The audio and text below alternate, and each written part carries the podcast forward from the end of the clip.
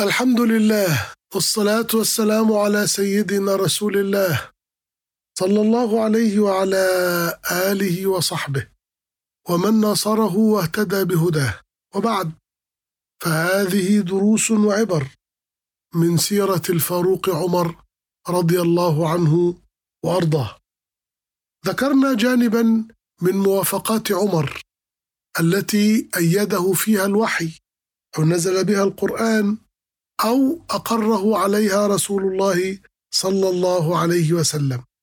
وكذلك كان الحال مع الخليفة الأول الذي كان يدرك عبقرية عمر مع أبي بكر الذي اتخذ عمر مستشارا وقاضيا ووزيرا أولا له.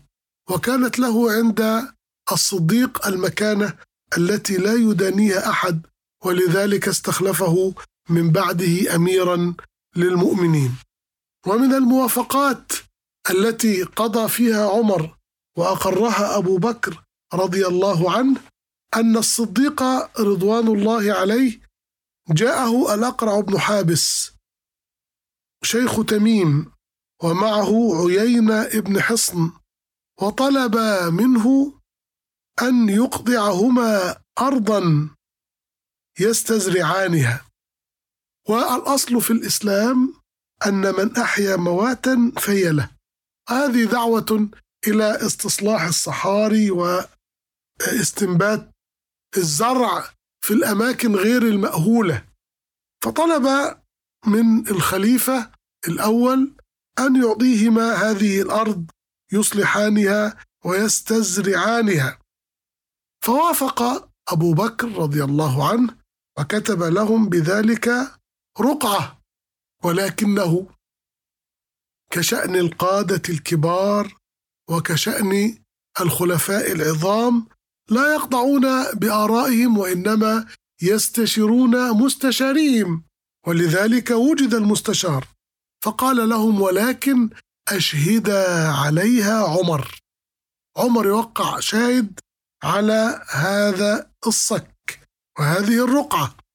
طبعا هما في شدة الفرح من حصول المطلوب وأخذ توقيع الخليفة ويعتبر توقيع عمر يعني شيء على سبيل التأكيد وليس الإنشاء.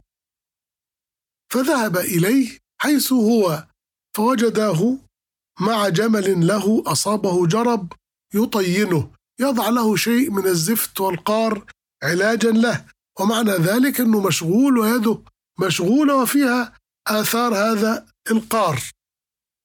فقال له القصة إن الصديق الخليفة أقطعنا كذا وكذا وهذه رقعة فيها الإقطاع وعليك أن توقع. أول درس أن عمر لم يوقع مباشرة إنما يقرأ. قال أنتما على ما تريان أنا مشغول. فإما أن تقرأ علي النص أو تنتظر حتى أفرغ من عملي. فيش عجلة يعني تقتضي أن أوقع لكم في الحال. من حرص الأقرع بن حابس وعيينة بن حصن على إتمام الصفقة قالوا بل نقرأ لك. والأقرع بن حابس هذا شيخ تميم.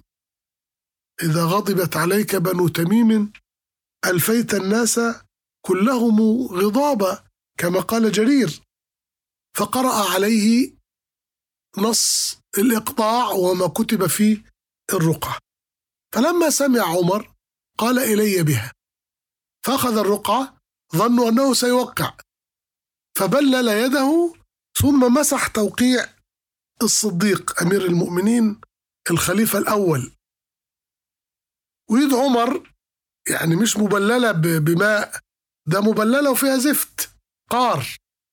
ثم رد إليهم الرقعة بلا توقيع. وقال كنا نتألفكم وللإسلام إليكم حاجة أما الآن فاجهدا جهدكما. طبعا وسيدنا عمر في خلافته طبق هذا القانون أنه المؤلفة قلوبهم لهم سهم في الزكاة اللي هم أصحاب المكانة وأصحاب اللسان وأصحاب القلم وأصحاب الوجاهة يعطوا شيء من الزكاة إذا أسلموا تأليفا لقلوبهم وتثبيتا لهم على الإسلام. عمر كان يقول أن هذا أمر مرحلي وأنهم أخذوا بما فيه الكفاية ولو أن العطاء سيثبت فيما مضى يكون قد ثبت فلا حاجة لنا في مزيد من العطاء. الآن فجهد جهدكم فرجع إلى مجلس أبي بكر وهم في قمة الغضب والحنق مما فعله عمر. قال كلمة تثقل موازين أي شخص وتملأ صدره. قالوا له يا خليفة رسول الله. ذهبنا إلى عمر ففعل وفعل وذكر له القصة ثم أردف بهذه الجملة والله لا ندري من الخليفة أأنت أم هو؟ فقال أبو بكر كلمة على البداهة على الروية ودون عقد نية قال كلمة لو اجتمع أهل الأرض بعد تفكير ما أحسنوا صياغة كهذه الصياغة. ماذا قال؟ قال لهم هو والله لو أراد. هو الخليفة لو أحب. أنا رشحته. لو أن إنسانا عاديا قيل له إن والدك الذي يكن له الاحترام والتوقير والتبجيل وطاعته فرض والبر به واجب فعل ذلك لتغير شيء في صدره لماذا لم يأتي إلي؟ طيب يناقشني يكلمني. قال لهم رد طبيعي بسيط جدا. هو والله لو أراد لو أراد أن يكون هو الخليفة لقبل ترشيحي في يوم السقيفة. وما هي إلا لحظات حتى دخل الفاروق عمر رضي الله عنه وأرضاه. قال له يا خليفة رسول الله هذه الأرض لها فائدة فلما نعطيها لهؤلاء؟ هذه لها فائدة أن توضع فيها إبل الصدقة أو أن نضع فيها ما يأتي من آه، أموال الزكاة وما يأتي العمال الذين يذهبون ولا أخذ يعدد له مزايا هذه الأرض وأنها أرض نافعة ويمكن استغلالها في مصلحة الدولة. فما كان من جواب أبي بكر. لم يقل له طب لماذا لم تراجعني؟ هلا أخذنا الرأي؟ كيف تمسح توقيعي؟ قال له ألم أقل لك أنك أولى بهذا الأمر مني لشدتك وحزمك؟ يرد أيضا برد أشد حزما من الرد الأول. فقال عمر رضي الله عنه وأرضاه شدتي لك مع فضلك. هذه الشدة ما هي إلا جند من جندك وأنا واحد من جنودك لكن ما فيه أنت من الفضل ومن علو المنزلة كيف يدرك وكيف يحصل؟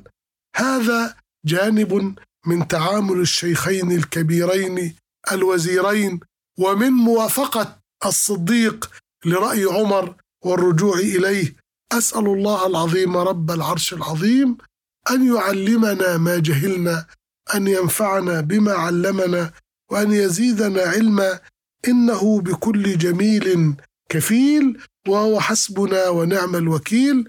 وصل اللهم على سيدنا محمد وعلى آله وصحبه وسلم والسلام عليكم ورحمة الله وبركاته.